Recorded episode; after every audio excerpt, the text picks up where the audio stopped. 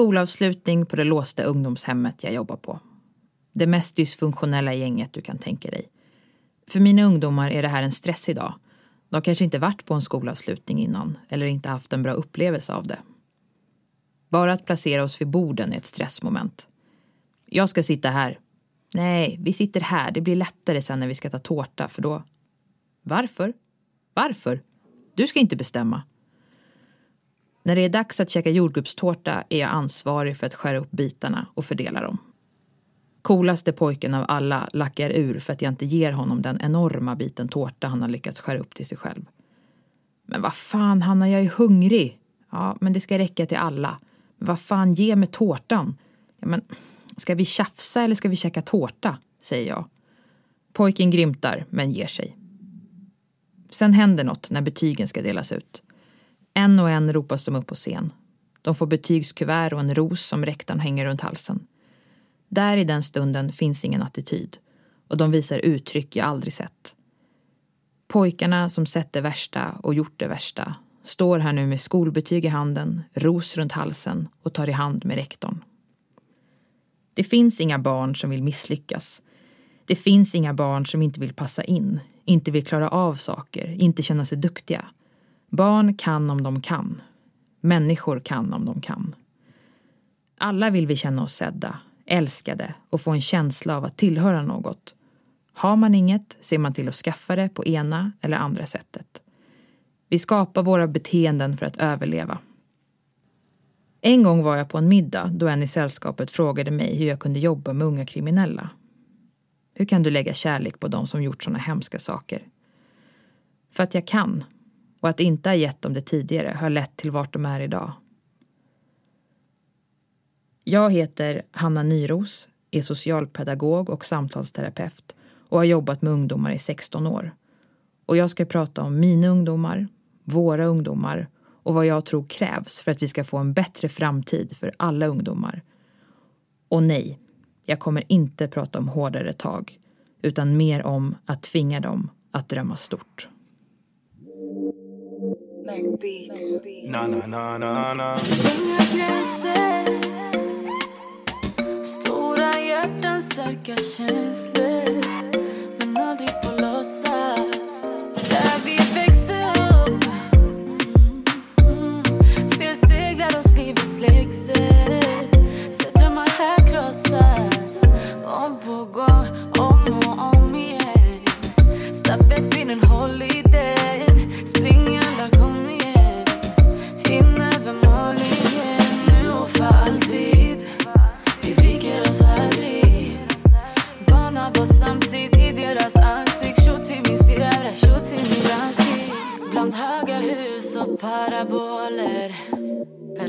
Och se när solen skiner bakom molnen.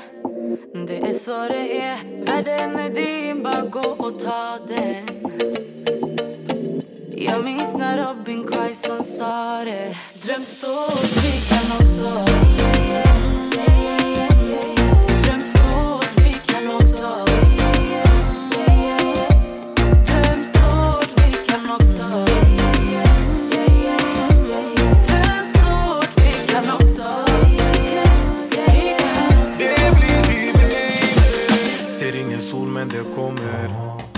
Jag ser strålar bakom molnen.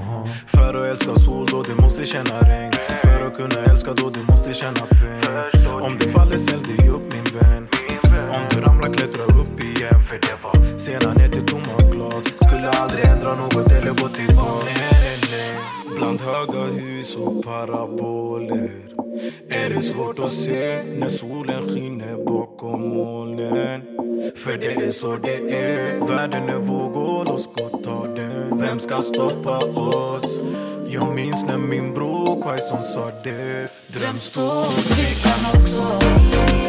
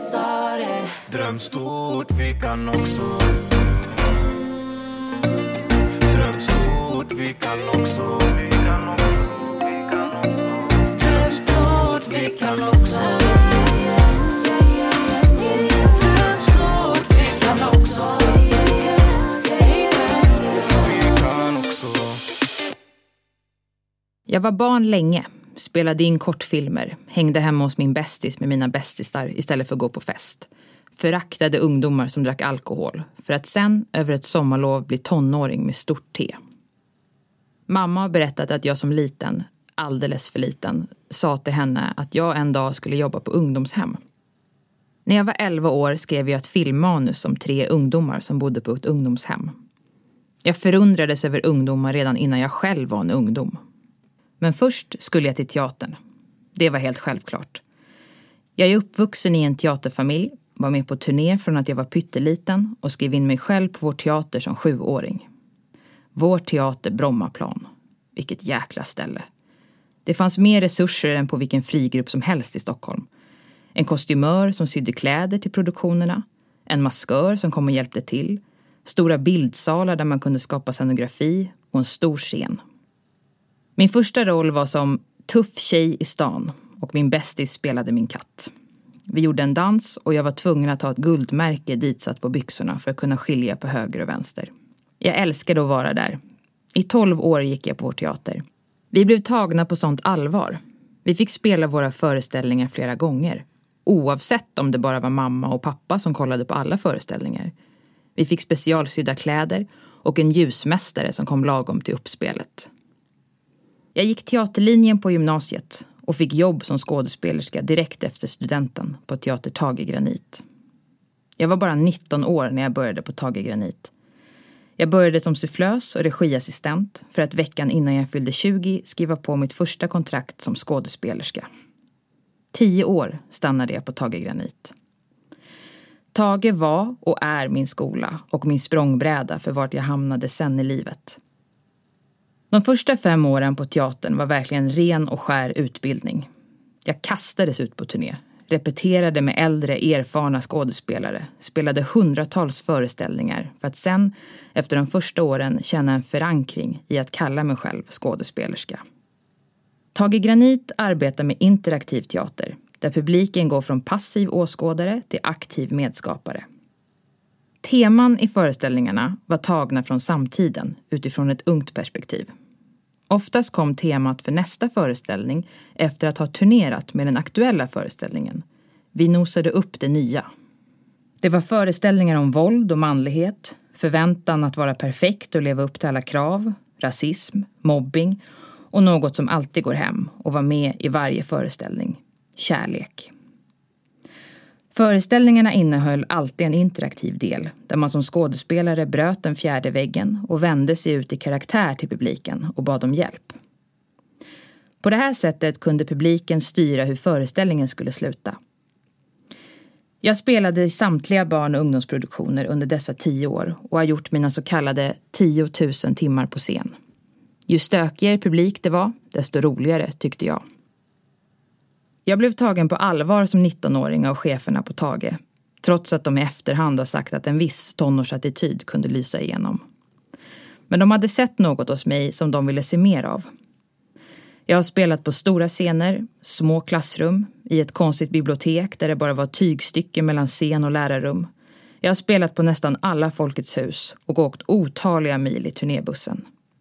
Vid samma tid som jag blir anställd på Tage Granit blir jag anställd som praktikant på Granbo teaterkollo ute på Barnensö.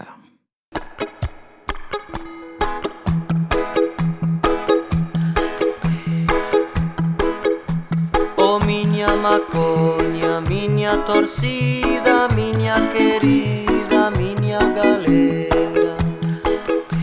Oh minha cachoeira, minha menina, minha flamenca miña capoeira. Oh miña, mi miña querida, miña valera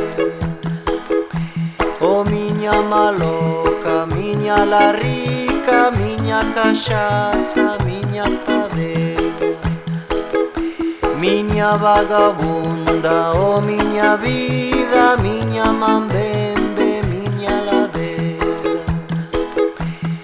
miña, mi niña, miña querida, miña Valeria.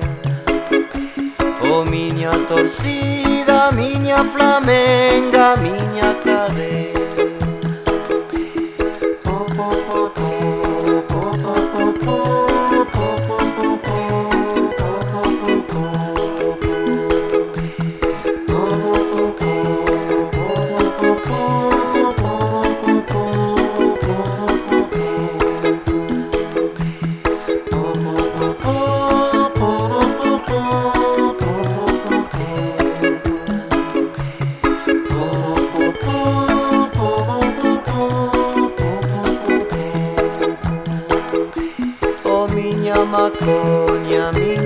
torcida, miña querida, miña galera. Miña vagabunda, miña mambembe, miña beleza, miña capoeira O oh, miña meniña, miña querida, miña valeria. Miña torcida, miña flamenga, miña Oh minha maconha, torcida, miña querida. Kollo.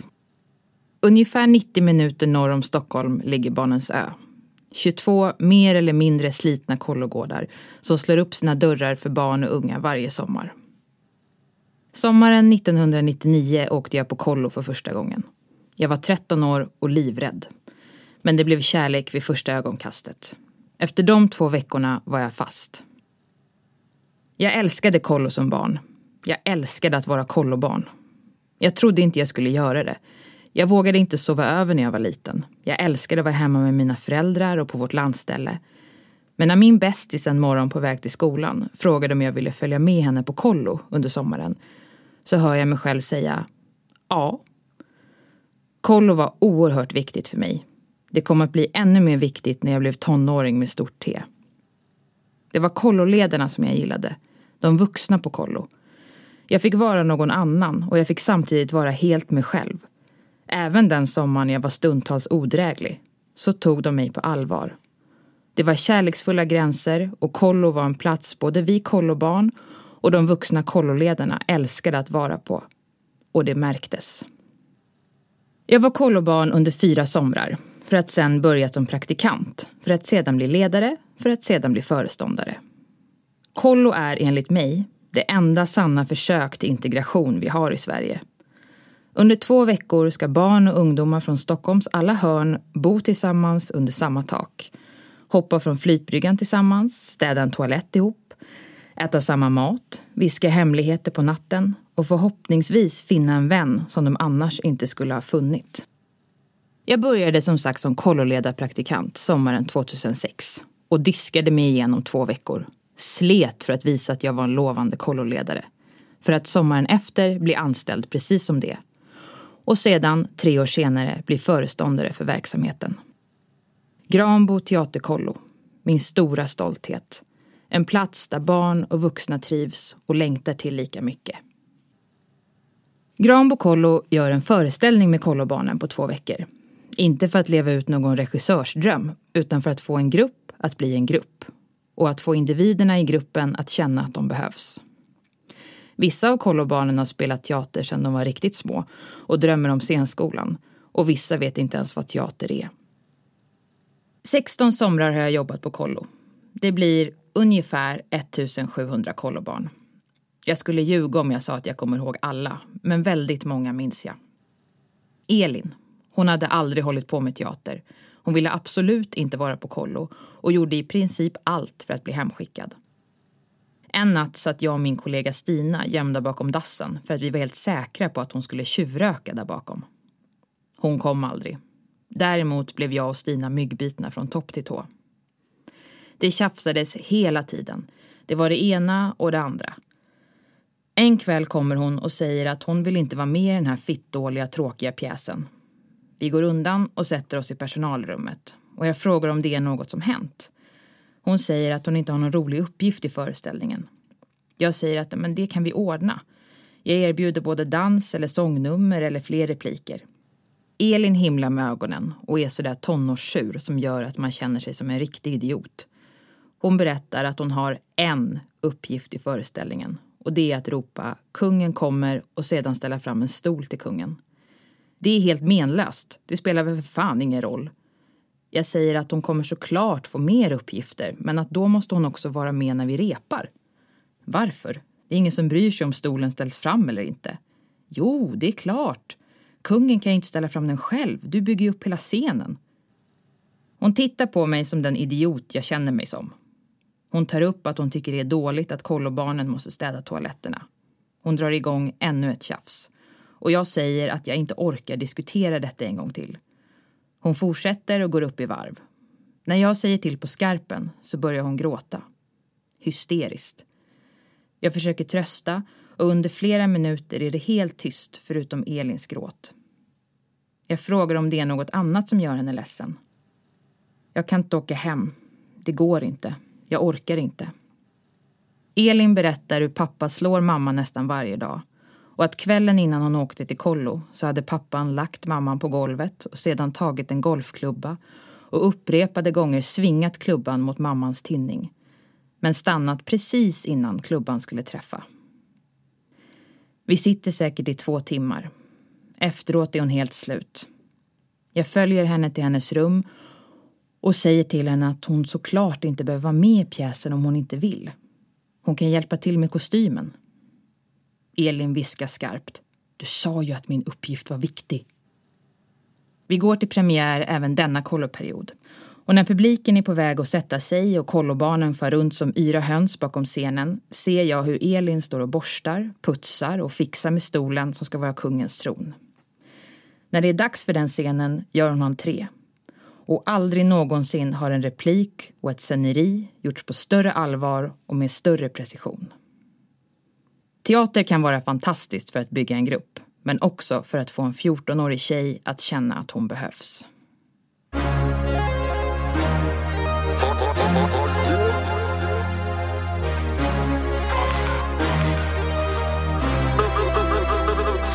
Försökt ha huvudet högt när det var tufft för att inte gå under. Mamma fick en son som är en krigare i grunden. Förenade i slummen faller vi med flaggan på topp. Så när det är dags har vi gett vårt allt, känn ingen ångest för nåt Bra då vi lyckas, kommer när vi lyckas, får vi bara lycka om vi bara lyckas. Men tiden är knapp här och vi sitter fast här, här Tills dess blir tragedier melodi. Tungt på heltid, get to show en femma wing mina grabbar gör nåt större än bara glider. Om inte dom så är det jag med dom bredvid mig. Jag har din rygg oavsett broder, du vet. Lojal linje röd, 1, 2, 7 bitch. Tillsammans slår vi alla ihop och starkt med en röst. Det är inte svårt att se, läs på mitt bröst. Det är high one, brorsan Ljusen är tända för de som har lämnat vår plats så snabbt. Gud vad jag längtar. Jag lovar att bättra. Trots allt, jag känner mig inte ensam. Jag hoppas att vi träffas. Jag behöver endast de som har bränts fast. Håll in i hjärtat, ni känns i varje hjärtklass. Klapp, klapp, det, det, det är ingen skitsnack. Snack, jag vet att Inget är sig lik, för allt är i förändring. Jag hoppas på ett bättre år men har ingen förväntning för När saker går snett och tyngdlagen får rätt. Är vi tillbaks där på botten, undrar fan som gått snett. Ibland vill jag bara packa och dra. Ge mig av, lämna knaset som vi tacklar var dag. Ge mig svar, varför är det så? Varför ska vi och de alltid säras åt? De får skattelättnad, vi får mer bördor att bära på. Vi bär oss åt, som vi bär oss åt för att få värde på. Tiden vi lever i och får någonting att glädjas åt. Så jag haffar nåt, korkar upp och sveper. Lämnar verkligheten och hittar från planeten. Ljusen är tända för de som har lämnat. Vår plats så snabbt. Gud vad jag längtar. Jag lovar att bättra. Trots allt, jag känner mig inte ensam. Jag hoppas att vi träffas. Jag behöver endast de som har bränts fast. Håll in i hjärtat, ni känns i varje hjärtklass Klapp, klapp, det, det, det är inget skitsnack för jag vet att Tiden och världen hinner i kappen, hinner i fatten En blatte i kampen, vissa på rampen ovan sin avgrund. Bakgrund och orten, min röst är från gatan. Mitt hjärta till folket, men Gud bara skapar Tiden den glider iväg och äldren ser något hastigt. Bilarna brinner i orten, tiden den blir något drastiskt. High one, alltid från hjärtat, från bläck till papper. Betongen är rondell, vi cirkulerar. På med ratten Låt mig köra ut. Istället för att göra något sjukt För att till slut att de inte kan röra vid det vi gör nu. Du bör nu veta av, från söder röda sidorna stan Röda ligorna stan, var Ljusen är tända för de som har lämnat. Vår plats så snabbt. Gud vad jag längtar. Jag lovar att bättra Trots allt, jag känner mig inte ensam. Jag hoppas att vi träffas. Jag behöver endast de som har bränts fast. Gått in i hjärtat, ni känns i varje jäkla Klapp, klapp, det, det, det är inget skitsnack.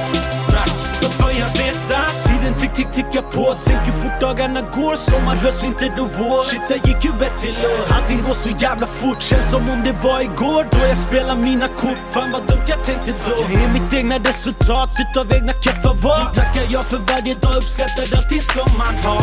Gud räknar mina andetag Bara du vet hur mycket tid vi har kvar.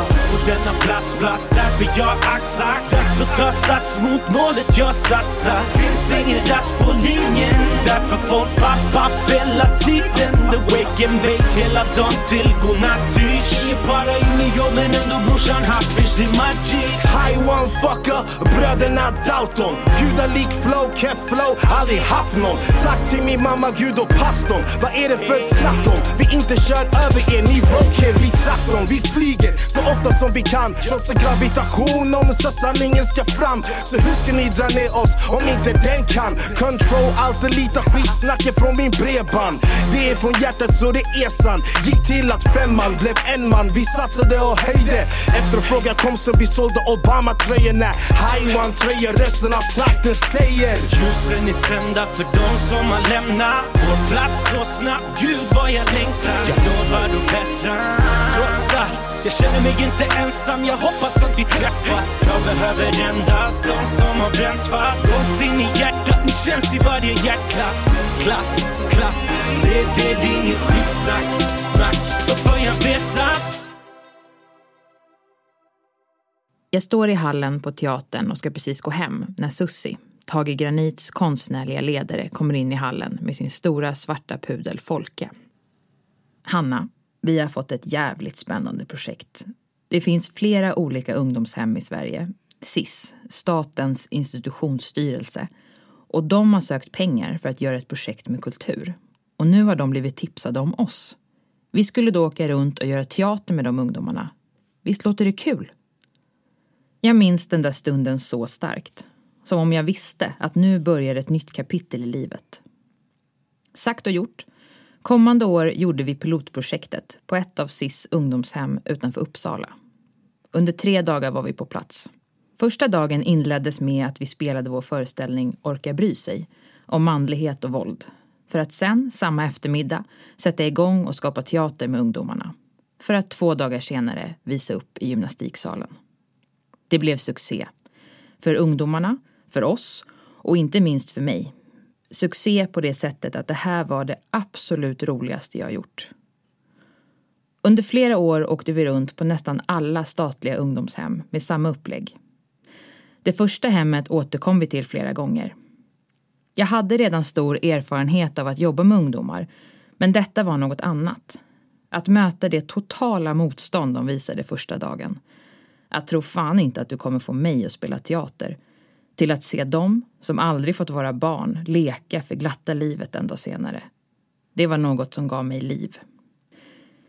Jag blev mer och mer sugen på att vara där bland dessa ungdomar på heltid. Vintern 2014 är vi på ungdomshemmet utanför Uppsala där allt startade för tredje gången och vi gör samma upplägg. Vi är där en gång i veckan under december månad med avslut och uppspel på julavslutningen. I min dagbok kan jag läsa efter första tillfället att nu är det fan dags att byta bana. Det är ju här bland de här ungarna jag vill vara. Den 8 december vaknar jag med en konstig känsla. Jag har sovit oroligt och vi ska på turné till Storuman. När Vi sitter på Arlanda och väntar på flyget får jag en olustig känsla. Jag får inte tag på en av mina bästa vänner. Vi kliver på planet, stänger av mobilen och flyger norrut. När vi landar i Skellefteå och hämtat ut vår hyrbil sätter jag på mobilen och har flera missade samtal från en kompis. Jag ringer upp samtidigt som jag försöker skriva in adressen till hotellet på GPSen. Viktor är död, hör jag någon säga i andra änden av luren. Och jag åker ner i ett totalt mörker. Min väns död ställde allt på sin spets. Ingenting skulle bli som förr igen. Allt skulle bli annorlunda och därför behövde jag också ändra på allt. Efter andra tillfället i december som vi är på ungdomshemmet kan man läsa i min dagbok Viktor är död.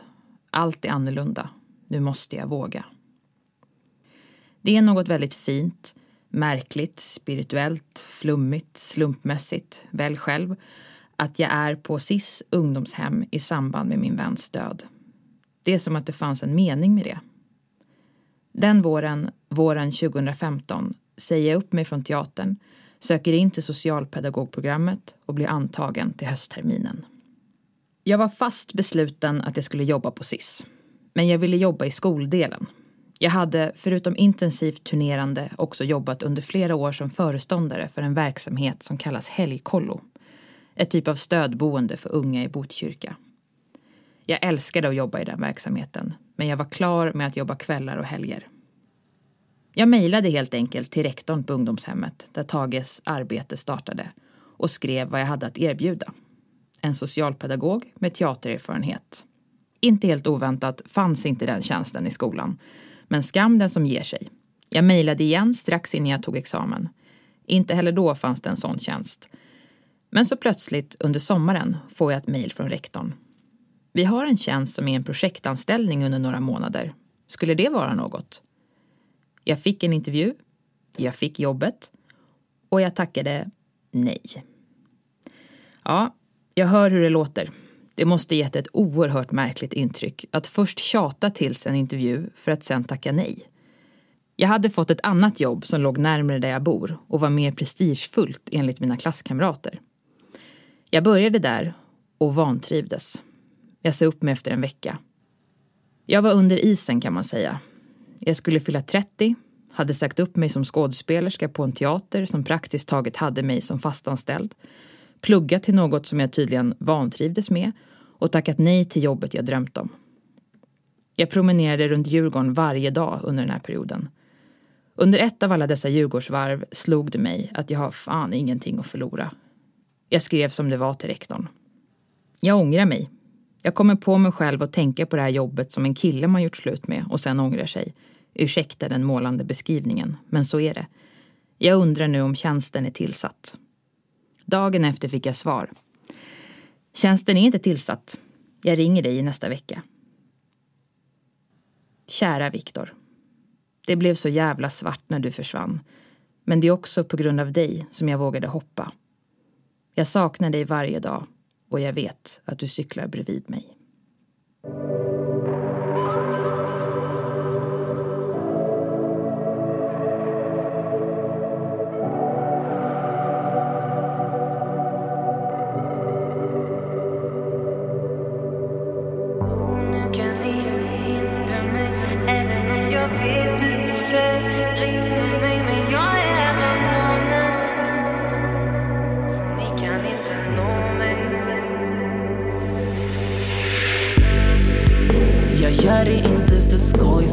Gör det här för mina ladies och mina boys skull Så är du down eller åk igenom stan när dagen blir kväll här.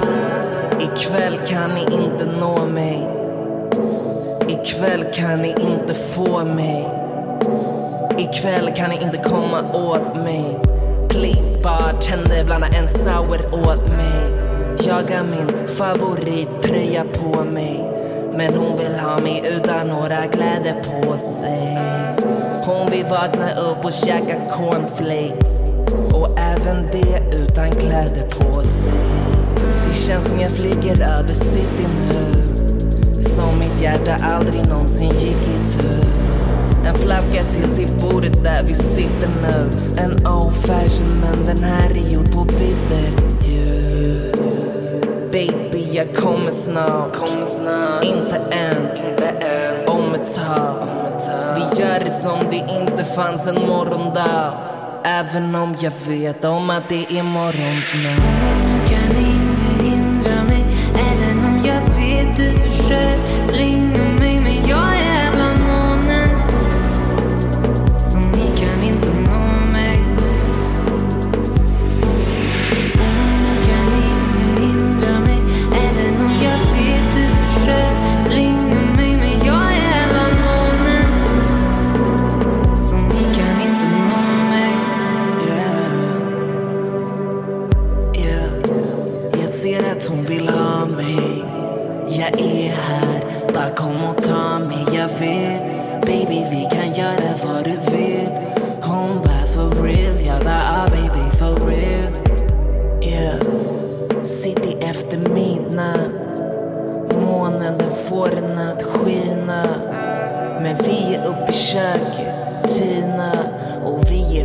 många här, Kina. Och vi drar ut igen, är inte redo för slutet än. Och jag bryr mig inte om någon utom en Baby, säg att du älskar mig. Du, säg att du hatar mig. Men de här ljusen som lyser upp staden är något de aldrig kan ta från mig. Jag flyger här uppe. Och jag är fri, inget styr mig här uppe. Nah, vi gör det som det inte fanns en morgondag. Jag vet att det är imorgon snart. Nu kan ingen hindra mig Även om jag vet du försöker ringa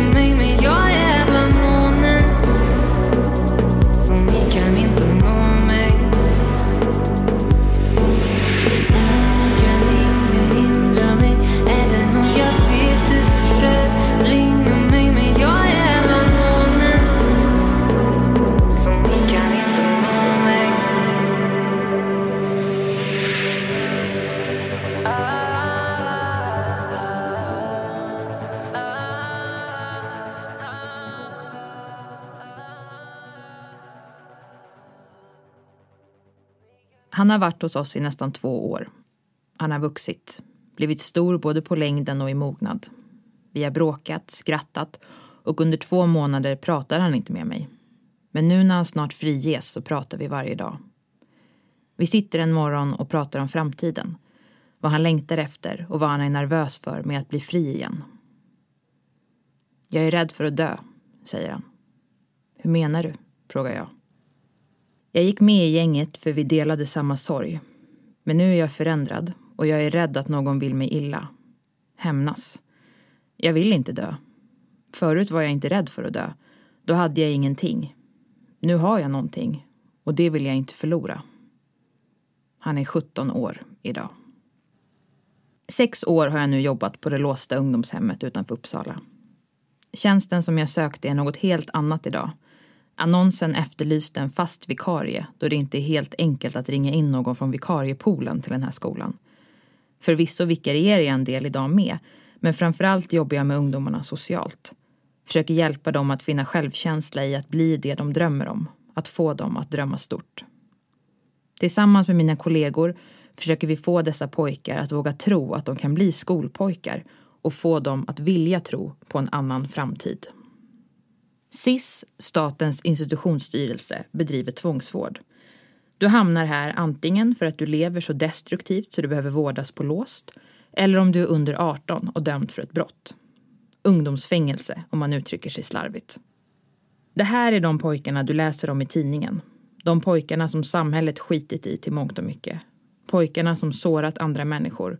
Och det är dessa pojkar som blivit oerhört svikna av vuxenvärlden. Han ler mot kameran. Glimten i ögat finns där. Leendet som får alla att smälta. Adidas-dressen sitter perfekt och fejden, den är stabil. Skulle du se bilden skulle du le, för det gör man när man ser honom. Nu är han död. 18 år och begravd och en mamma som gråter. Ännu en mamma. Jag sitter med en av pojkarna och dricker morgonkaffe. Vi pratar om senaste skjutningen och bläddrar i tidningen. Han är tyst en stund och sen säger han Jag tänker på alla mammor. Nu tänker jag på den här mamman. Varför står det inget om att hon gråter? Ja, varför gör inte det? Jag vet inte längre vad jag ska svara. För de skiter i er. Det finns ett sånt förakt i debatten idag mot de här barnen. För det är vad det är. Barn. Mina pojkar är inte stora i sinnet. Vissa är absolut längre än mig och du skulle kunna ta vissa för vuxna män till utseendet. Men de är barn där inne. Barn som aldrig fick vara barn. Det går inte att begripa vilka ryggsäckar de har.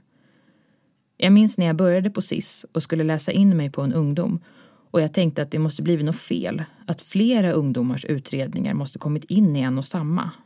Men nej, det var så här mycket skit den här lilla människan redan varit med om i livet. ADHD är en klassfråga. Det finns mycket som kan provocera mig och en sak är när kändisar går ut och pratar om sin superkraft. Kanon för dig. Verkligen toppenkul att du kan driva två bolag, en podd och samtidigt gå på mingel. Att det är en tillgång. Jag har haft en pojke som inte ens med högsta dosen medicin kunde få någorlunda tyst i skallen. Hans liv är som en perrong. Tågen åker förbi, ibland är han med på de tågen och ibland inte. Han ser inte sin ADHD som en superkraft. Den har satt honom i många dåliga, ogenomtänkta situationer med förödande konsekvenser. Det man måste förstå är bakgrunden dessa ungdomar har. Den är så trasig. Det är oftast kontakt med socialtjänsten i unga år. Många har flytt från krig, vissa inte. De flesta har någon form av PTSD. De allra flesta en NPF-diagnos. Många syskon, bor i ett utsatt område. En mamma som kämpar med två lågavlönade jobb, alternativt är sjukskriven, alternativt är svårt sjuk, alternativt själv har en egen NPF-diagnos. Ekonomin i familjen är dålig. Vissa av dem har upplevt mobbing i tidig ålder, bott på olika ställen, hoppat runt på olika HVB, familjehem, bytt skola flertal gånger. Och en sak många har gemensamt. Det finns ingen pappa. Och det finns inget förtroende för vuxenvärlden. Jag tänker ibland att pojkarna som jag jobbar med, att deras liv är som en film. Jag möter dem mitt i crescendot. De har åkt dit för misshandel till exempel. Och nu sitter de här, 16 år och inlåsta. Filmen har kanske precis börjat. Men om vi då får en tillbakablick så kommer vi se hur allt leder fram till den där kvällen där misshandeln sker. Det är inte rätt, men man förstår. Man förstår varför den där 16-åriga killen med en trasig bakgrund, misslyckad skolgång, omedicinerad, outredd ADHD, en mamma som är sjukskriven för utmattningssyndrom, varför han hakar på de äldre på torget, hur han blir lovad 5 000 spänn om han hjälper dem med en grej, hur han tänker att han kan hjälpa mamma med de där pengarna men också ha råd med en sån där Gucci-keps som de andra killarna har. Man förstår varför han tycker att det blir enklare att få tyst i skallen när han röker en joint och att han då faktiskt kan sova. Man förstår att han känner sig sviken när lärarna och rektorn i skolan stänger av honom utan att han riktigt fattar varför. Han har ju sagt att han inte kan matte och ingen har lyssnat. Man förstår att han då skolkar mer och mer, hur ilskan och hatet byggs upp och så en kväll hamnar han i bråk med en kille och det slår slint och vi är tillbaka där filmen börjar. Det finns ett parti som har haft en reklamaffisch med sloganen Ingen förknippar rån med glass längre.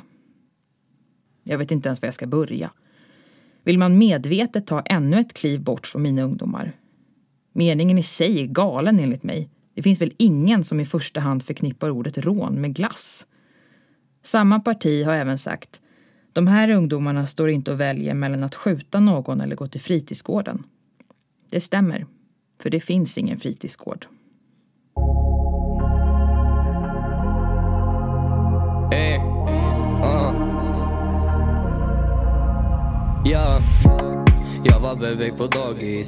Pappa körde dit med ett bakis. Redan då jag började samla på mig hatish Redan då jag började samla på mig hatish I sex års jag var stökigast i klassen.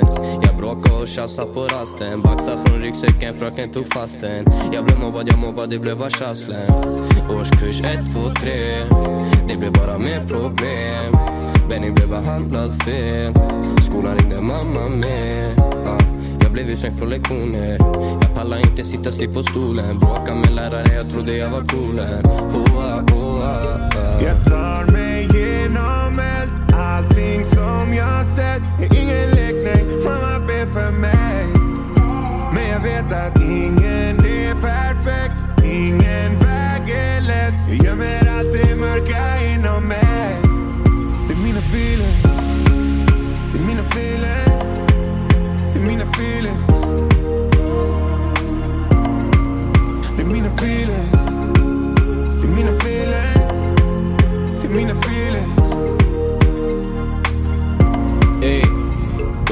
Årskurs fem, dalen blev mitt hem Jaran blev tänd, jag träffade en vän Han var helt bränd, han var helt bränd. Fick min första anmälan, mamma frågade vad som hänt. Och jag fattade inte nåt, att jag började göra brott. Och jag hörde några skott, det var läskigt på min block. I skolan den blev fuck, jag började med rap Blev omtyckt av de äldre. Och allting gick snabbt. Ey. Sjuan och åttan, bror jag var tjotta Becknade slickar och baxade moppar. Kollade du snett på mig då du blev robbad. Jag körde full fart och ingen kunde stoppa mig. Ah, uh, Såg upp till becknare och rånare. De som hade länkar och stålar bre Socialen satte LVU i månader. Min kära mamma fällde tårar och blev sårad. Jag tar mig igenom allt Allting som jag sett. Är ingen lek, nej Mamma ber för mig. Men jag vet att ingen är perfekt. Ingen väg är lätt. Jag gömmer allt det mörka inom mig. Yeah. Det är mina feelings.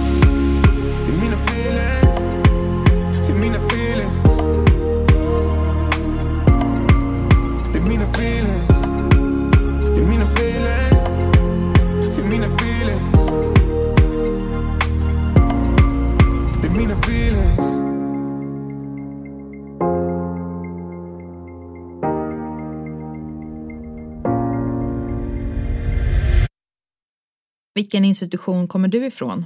Frågar jag en ung pojke på 16 år som precis anlänt till oss. Klass 1-avdelningen, säger han och ler. Okej. Du vet, det är murar, det är kameraövervakning, allting. Det är som ett riktigt fängelse, säger han och ler igen. De som säger hårdare tag måste förstå att det inte skrämmer. Det är status att ha suttit i VIE. Det är status att ha suttit på klass 1-avdelningar. Fängelse kommer inte stoppa de här ungdomarna. Det kommer ge en roll från tidig ålder för dem att identifiera sig med, bli bekräftade i och få status i. Våra ungdomar säger brösta en fyra, sitta fyra år på LSU. Nästa Kumla, in och ut på kåken på semester. Men de är rädda. De vill inte egentligen. De vill göra mamma stolta.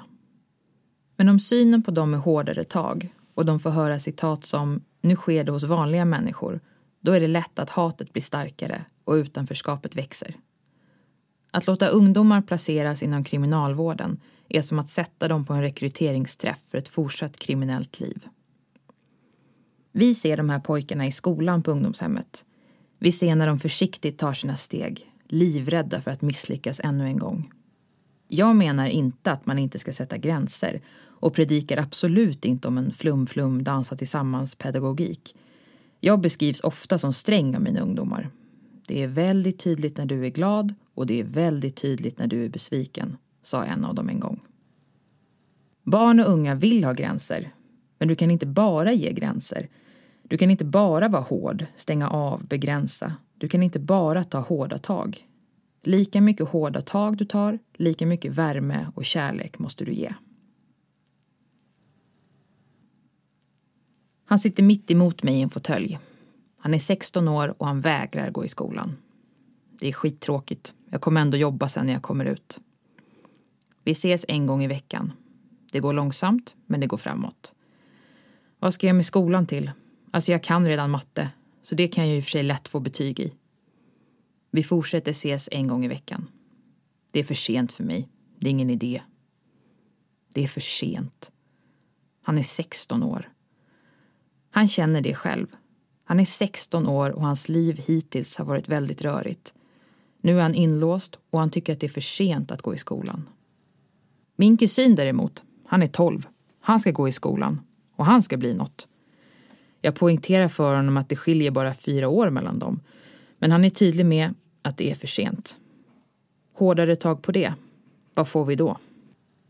Idag går han i skolan hos oss. Han kommer varje dag och han är noga med att berätta att det fortfarande är tråkigt. Men han ler varje gång jag berömmer honom att han är i skolan. Jag jobbade under flera år på något som heter helgkollo. Det var en social insats för barn och unga mellan 9 och 16 år i Botkyrka kommun i ett samarbete mellan Stiftelsen Barnens dag och socialtjänsten. Unga som behövde komma bort från sina hemförhållanden på ett eller annat sätt två helger i månaden. Det var blandade behov. Från den tystaste, blygaste ungen som behövde utmanas för att inte bli en hemmasittare till en unge som efter fem minuter sattes i en kaossituation med bråk och skrik. Fredag till söndag var de hos oss ute på Barnens ö. Fredagar var en prövning. Vi hämtade upp dem i centrum i en fucking SOS-handikappbuss, eller som man också kan säga, minibuss, och åkte ut till Barnens ö, där vi startade helgen med middag. De här elva barnen behövde dessa fredagskvällar testa oss vuxna konstant. Testa om vi fanns kvar, testa om vi faktiskt fortfarande gillade dem, testa om vi gick att lita på, för att sen på lördagen kunna börja slappna av och njuta av en rolig dag tillsammans. För att sen på söndagen gå tillbaka till att bränna lite broar emellan oss, för att det är enklare att säga hej då när man är arg än när man är ledsen. De här barnen träffade oss två helger i månaden. I skolan hade de flesta en stödperson, om det fanns pengar till det. Någon hade en kontaktperson också, men som ofta avslutades för nu var de ju på helgkollo två helger i månaden. De här helgerna tog alltid knäcken på mig. Jag var helt slut, men också väldigt, väldigt glad. Att få se en unge få åka båt för första gången, en annan rida på en häst eller den mest populära aktiviteten av dem alla, åka bil med hög musik. Jävlar vad vi åkte bil. Runt, runt, runt på Barnens ö. In till Älmsta och fram och tillbaka till Grisslehamn. Jag frågade en av tjejerna på 11 år varför hon alltid önskade att få åka bil. För det känns som vi är en familj som är på väg någonstans. Jag tänker på alla barn jag mött som haft det tufft i livet. Pojkarna på SIS, de på helgkollo och inte minst de kollobarn jag mött. Jag tänker på hur otroligt många vuxna de mött. Myndighetspersoner, olika insatser, olika lärare, kuratorer, socialtjänsthandläggare, någon fritidsledare. Hur de hoppat runt mellan olika boenden. Jag är uppvuxen i samma lägenhet under hela min uppväxt med samma personer boende i lägenheten och gick i samma klass hela grundskolan. Jag minns en pojke som kom till oss på kollo en sommar. Han var ensamkommande, blyg och väldigt vänlig. Han hade ingen aning om att han hamnat på ett teaterkollo, men där var han.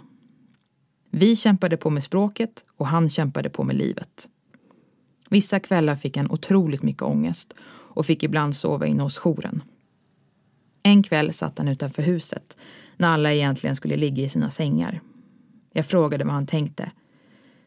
Jag tänker på att alla här säger att de längtar efter sina föräldrar, men de vet inte vad det är. Ensam i Sverige, 15 år. Några dagar senare mår han så dåligt psykiskt så vi kan inte ha kvar honom på kollo. Han ska bli omplacerad till ett HVB-hem. Det ringer en jättetrevlig kille som ska komma och hämta honom och säger att han kommer om några timmar. När de anlänt går jag för att hämta pojken. Jag säger att det är några här från hans nya boende som vill prata med honom. Pojken reser sig och säger okej. Okay. Nu vet ju jag såklart inte om han var rädd inombords. Han var väl antagligen rädd hela tiden. Men det är något med att han bara reser sig och säger okej okay, och att han inte har några följdfrågor. Själv håller jag på att skita på mig varje gång någon ber att få prata med mig lite kort. Om någon då skulle säga det är två främmande personer här som vill prata med dig hade jag ju antagligen svimmat. Men de här barnen är så vana vid det här. Jag är en av alla vuxna de mött under sin resa på livet och det är jag väldigt stolt över. De behöver inte minnas mig, men jag minns dem.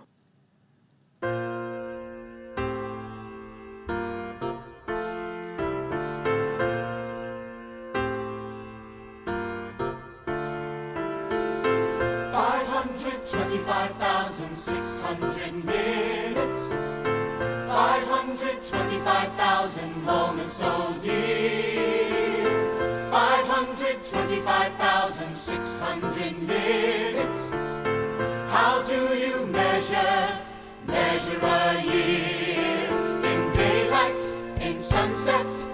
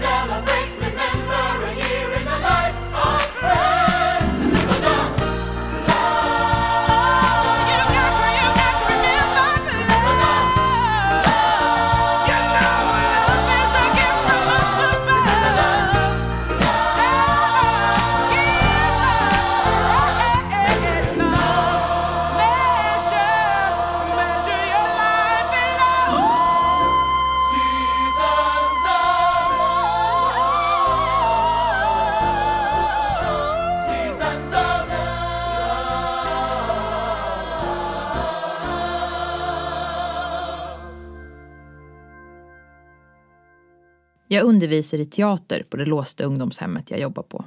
En del av min tjänst. Det har blivit några uppspel och några filmpremiärer med pojkarna. De leker så intensivt nästan varje lektion så de glömmer att hålla upp sin fasad av coolhet. Några av dem gjorde en egen film. Den handlade om en affärsman, en läkare och en ung kille från orten och hur deras vägar korsades. De pratade engelska i vissa scener och de var dödsseriösa varje lektion. Regisserade varandra, letade lösningar på hur vi skulle få det låsta klassrummet att se ut som en flygplats. I en scen skulle han som spelade läkare ha ett möte med en annan läkare. Vi behövde läkarrockar. Så jag beställde två läkarrockar från en hemsida för maskeradkläder. Lektionen kommer då vi ska öppna paketet. Det är förväntan i luften. Vi öppnar paketet och jag känner stor besvikelse. Läkarrockarna ser mer ut som två tunna, fula myggnät. Jag är precis på väg att säga jag är ledsen killar, vi får försöka hitta på något annat. När de i munnen på varandra brister ut i Ej vad feta! Vi kommer se tjockt bra ut alltså. Jag valde att hålla käft. Jag har haft killar som byggt ihop en bil av stolar och lekt fullt ut att de är mitt i en biljakt. Skulle du ha sett det så skulle du se fyra killar som kastar sig till höger och vänster på fyra stolar som står tätt tillsammans. Killar som gjort egna inbjudningskort till uppspelen, delat ut till lärare och personal. Behovet av lek, avsaknaden av lek är så stor. Jag frågade en kille en gång vad han tyckte om att göra. Vad det roligaste han visste var. Hänga med grabbarna. Jo, men jag menar typ mer en aktivitet. Bada, spela fotboll, cykla, charader, you name it. Jag har aldrig gjort något sånt där. Såna där barngrejer. Den där dagen i december när jag fick samtalet om att min vän Viktor var död och allt blev svart så var det också startskottet till att jag skolade om mig och bytte riktning. Viktors död tog hårt på mig. Jag var väldigt ledsen väldigt länge. Men samtidigt började jag jobba med de svåraste ungdomarna vi har i samhället. Självklart har jag slitit mitt hår, blivit galen av frustration vissa stunder, arg så jag svettats. Men framför allt har jag lätt skrattat och blivit varm i hjärtat. De här ungdomarna är de finaste, roligaste och modigaste jag vet. Vi måste vara rädda om dem. Alla vi måste vara rädda om dem.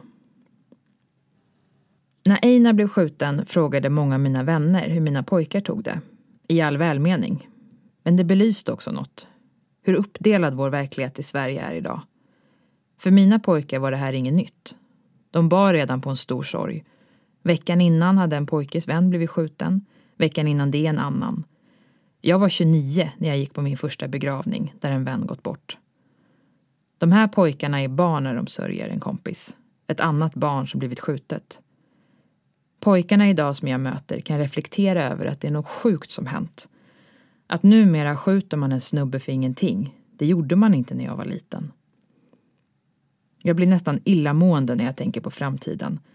De små, små barnen som växer upp idag där det redan från start är normalt att det skjuts. Att en kompis syskon dör i en skjutning. Där har vi det farliga. Och om man då samtidigt pratar med förakt till de här områdena, personerna, barnen, då växer hatet ännu mer. Och vi har en hel generation som växer upp dels med hat, utanförskap och där skottlossning hör till vardagen och är en av de mest vanliga konfliktlösningarna. Vi hade HLR med pojkarna på ungdomshemmet en gång. En av dem frågar, vad gör man när man blir skjuten? När. Inte om, utan när. Hårdare tag, starkare relationer skulle vara bättre. På kollo, helgkollo, SIS, i alla sammanhang där man vill nå en ung person, ett barn eller för all del en vuxen, så handlar det om att bygga relation. Utan relation, inget förändringsarbete. Varför skulle mina pojkar lita på mig första gången vi möts? Vuxenvärlden har ju svikit dem. Det krävs tålamod, närvaro och att stå kvar.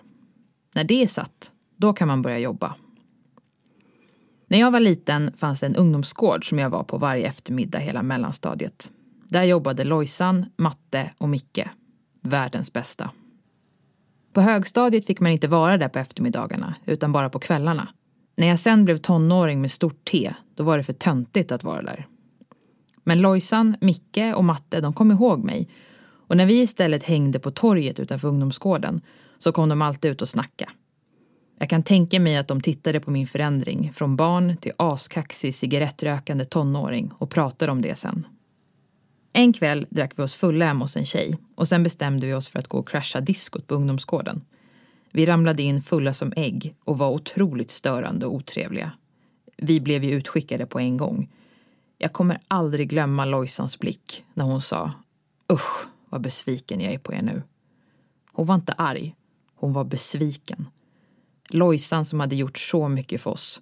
Hon hade tillsammans med de andra byggt upp en relation och när den fanns, då tog det. Jag vågade aldrig mer ens röka en cigg i närheten av ungdomsgården sen. Tänk om politiker kunde tänka så. Bygga relationer. Använda det slagordet. Nu ska vi få ordning på Sverige. Nu ska vi jävlar i mig satsa på goda relationer. För det finns ingen som vill ha den där besvikna blicken från Lojsan. När jag var liten var jag inte jätteförtjust i vuxna. Jag tyckte om mamma, pappa, Sara på fritids och Gerd. Gerd var min barnvakt från att jag var fem år. Mamma och pappa spelade ju ofta på kvällarna och repade på helger. Det var inte synd om mig för fem öre gällande det. För jag hade Gerd. Gerd var en stor kvinna med grov skånsk dialekt. Hon doftade ljuvligt och hade en fin brås på bröstet. När vi kollade film så låg jag längst in i soffan och hon låg och tryckte in mig så jag hade Gerd på ena sidan och sofftyget tryckt tätt in på kinden på andra sidan. Vi bakade, pysslade och gick på äventyr. Varje jul kom hon med en stor kasse med julpynt och snö på burk. Det var otroligt första gången hon sprayade mitt rum med snö på burk. När jag fick min första mens, väldigt tidigt, kom Gerd med bindor och choklad. När jag berättade om en syslöjdslärare som sagt att jag var dålig på att sticka, då sa Gerd, det där kan hon sticka upp i sin röv. Och så skrattade vi. Gerd var min stora kärlek som liten. Självklart hade hon ju kontakt med mina föräldrar gällande boka tider och betalning och logistik. Men när hon ringde hem till oss så bad hon alltid om att få prata med mig först. Det var stort och viktigt. Jag blev tagen på allvar. Jag blev tagen på allvar av mina föräldrar också. Ibland lite väl mycket kanske. Det jag menar är att jag hade en vilja av stål och om jag ville göra något så gjorde jag bara det. På gott och ont. Pappa köpte en synt till mig, en gitarr. Han kämpade på, men jag vägrade att lära mig ett instrument. Jag vägrade konfirmera mig och jag fattar att de la ner många matcher. Herregud, jag hade aldrig pallat. Men när det började strula för mig i skolan och jag hamnade i bråk mycket med de vuxna så tog de mig alltid på allvar. Absolut sa de att det var 100% fel att kalla en lärare för russinfitta men de kunde också se varför jag hade blivit upprörd. Något jag är mycket tacksam för idag, men som jag då som liten blev tokig på, var när jag kom hem från skolan och ville berätta att eh, X i min klass är så jävla dum i huvudet. Han sa så här och så här och vet ni, sen gjorde han så här. Det ständiga svaret var, men varför tror du han gjorde så? Hur har han det hemma? Klokt. Mycket klokt tänkt. Men då, som liten unge, tänkte jag, men skit i det. Mamma och pappa, jag älskar er och jag älskar er för att ni uppfostrade mig så. Did you give the world some love today, babe? Did you give the world some love today, babe? Well, you gave me lots of love, that's true. You give the world some love, and too. You give the world some love today, babe. When you saw you quick to realize the thing he needed most was a kind look from your eyes? When you saw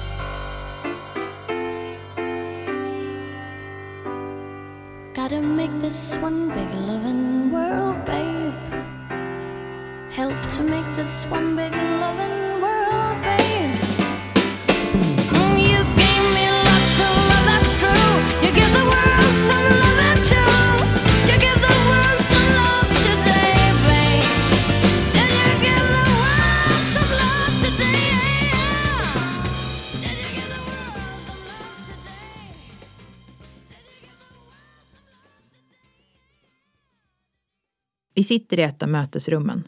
Jag sitter bredvid pojken, mitt emot sitter mamman, fint uppklädd. Sos sitter till höger om henne. Vi börjar med att prata om skolan. Jo, men jag skulle säga att det går bra för dig i skolan. Du är alltid på lektionerna och som det ser ut nu så kommer du kunna ta betyg i flera ämnen. Då hörs det ett litet kvidande ljud från mamman och sen brister hon ut i tårar. Jag blir bara så otroligt glad, säger hon. Pojken ler blygt och tittar ner och säger Mamma, lugna dig. Alla dessa mammor. Alla dessa kämpande mammor. Mammor som sagt till mig genom åren Kan jag sova nu? Får jag sova nu? När han, hon är hos er. De oroliga nätterna de har haft. Alla samtal från skolan och SOS. Hur de kämpar med flera barn, med jobb, med sig själva. Hur de har en ständig rädsla över att deras barn kan bli skjutet att leva med den skräcken. Och att då få höra de som leder Sverige säga det är föräldrars ansvar att ta sina ungar i örat och sätta gränser. Jag sätter gränser varje dag, men det är ju mitt jobb. Jag har kollegor, beslut och en låst institution i ryggen. Jag står inte ensam i en hall och försöker få min unge att stanna kvar hemma. En unge som skriker att han kommer gå ut ändå. Jag förlorade min nära vän och med det förlorade en mamma sin son. Det finns så många mammor kvar och så många söner som är borta. Kan ledarna i Sverige åtminstone ge dem att detta är en nationell kris? Våra pojkar är hos oss från sex veckor till sex månader till flera år. Förändring sker, särskilt hos dem vi får ha länge. Förändring tar tid, för relationsbyggandet tar tid. Hitta ett mål, ge hoppet att välja en annan väg och tvinga dem att drömma stort. De är såklart överlyckliga när de får flytta. Ingen vill vara inlåst. Tyvärr flyttar de flesta hem till samma miljö. Många får en egen lägenhet. Att gå ifrån låst institution till egen lägenhet är galet. Att som 17-åring ha en egen lägenhet. Få 17-åringar klarar det eller mår bra av det.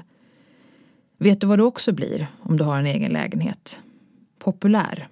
För oavsett om du själv vill byta bana så är det skittufft att säga nej när de gamla kompisarna frågar om de inte kan vara i lägenheten. Skyddsnätet innan man behöver hamna så långt som på SIS måste bli starkare. Men skyddsnätet efter måste också bli starkare. Hårdare tag? Nej, mer omtanke. Den psykiska ohälsan som många av de här barnen också lider av och bristerna i vården hänger ju såklart ihop med allt detta. Långa köer till BUP, köer på ungdomsmottagningen, finns ingen ungdomsmottagning, skolkurator som är själv på 960 elever. Jag blir glad varje gång jag ser en annons där en skola utlyser en tjänst som socialpedagog. Jag kan skoja ibland och säga att kollo är svaret på allt, men jag menar nästan allvar mer och mer när jag säger det. För 16 år sedan när jag började på kollo, då fanns det knappt någon unge som käkade antidepressiv medicin eller ångestdämpande. Idag är det normen. Medicinutdelningen på morgonen kan ta en timme. Jag har sett flera kollobarn som kommit till oss med en dosett full med sömnmedicin och vid behovsångestdämpande som efter ett par dagar inte har behövt det. Det de har fått är gemenskap, trygga vuxna, flera vuxna och kollo. Så kollo kanske är svaret på allt, trots allt. Bakom varje störande beteende finns ett osett behov. Det jobbar jag efter. Om man jobbar efter det blir det också mycket roligare att arbeta. I alla verksamheter jag jobbat med har jag alltid ställt frågan varför? Nej, det var absolut inte okej att ungdomen slog den andra ungdomen i magen. Men varför gjorde han det? Det är såklart inte okej att ungdomar dras med i kriminella nätverk, skjuter varandra, rånar. Men varför gör de det? Barn som växer upp där det skjuts i området, där klasskompisar dör på grund av skjutningar. Barn som är med vid skjutningar. Det är klart att de behöver någon att prata med. Hårdare tag, vårdande tag. Bara i år, 2022, har vi hittills haft 147 skjutningar där 26 av dem slutat i död och miljontals tårar. Jag vill citera Alexandra, Einars flickvän som höll tal på Grammyskalan. Vi vill se konkreta åtgärder och resultat baserat på genuin kärlek för dessa områden och alla oss som bor där. Jag har fnulat på hur jag ska avsluta min mittårsrapport. Man vill ju naturligt komma till en lösning, ett avslut. Att nu slutar vi skjuta och så ser vi alla människor i vårt samhälle och behandlar alla lika. Men så är det ju inte just nu. Jag får helt enkelt bara sluta och nöja mig med att jag förhoppningsvis har gett er en insyn på de barnen som samhället helst inte vill se. Precis som alla barn blir ju dessa barn också kära ibland. Så jag tänkte avsluta med att berätta när en tjej kom på besök till det låsta ungdomshemmet jag jobbar på. Det var en ung tjej som var och skulle besöka en av pojkarna. Hon sitter i vår gemensamma matsal och käkar. Jag står i kön bakom den coolaste pojken av dem alla. Han öser upp pannkakor. Alltså det är ett berg av pannkakor på hans tallrik. Då får han syn på tjejen som är på besök. Han sträcker över tallriken till mig. Jalla Hanna, ta min tallrik. Nej, jag vill inte ha så många pannkakor. Ja, men Jalla, ta den bara. Men nej, jag vill inte. Ja, men ta den bara, jag sköter mig för alltid, jag svär. Jag vill inte att tjejen där borta ska tro att jag äter sjuka mängder pannkakor. Han springer iväg fram till tjejen och jag står kvar med en tallrik med ett berg av pannkakor. Jag älskar mina ungdomar. De jag har nu, de jag haft, de som är stora idag och de som inte finns hos oss längre. Jag älskar deras humör, deras humor, deras mod. Vi måste tro på dem, för de tror inte på sig själva. Vi måste se dem, för de känner att ingen gör det. Vi måste ännu mera tro på dem som finns kvar hos oss för att hedra dem som fick lämna oss alldeles för tidigt. Vi måste tvinga dem att drömma stort. I will tell you story if you die. I will best I can. I will tell them to the children if we have some, if we have some. But I've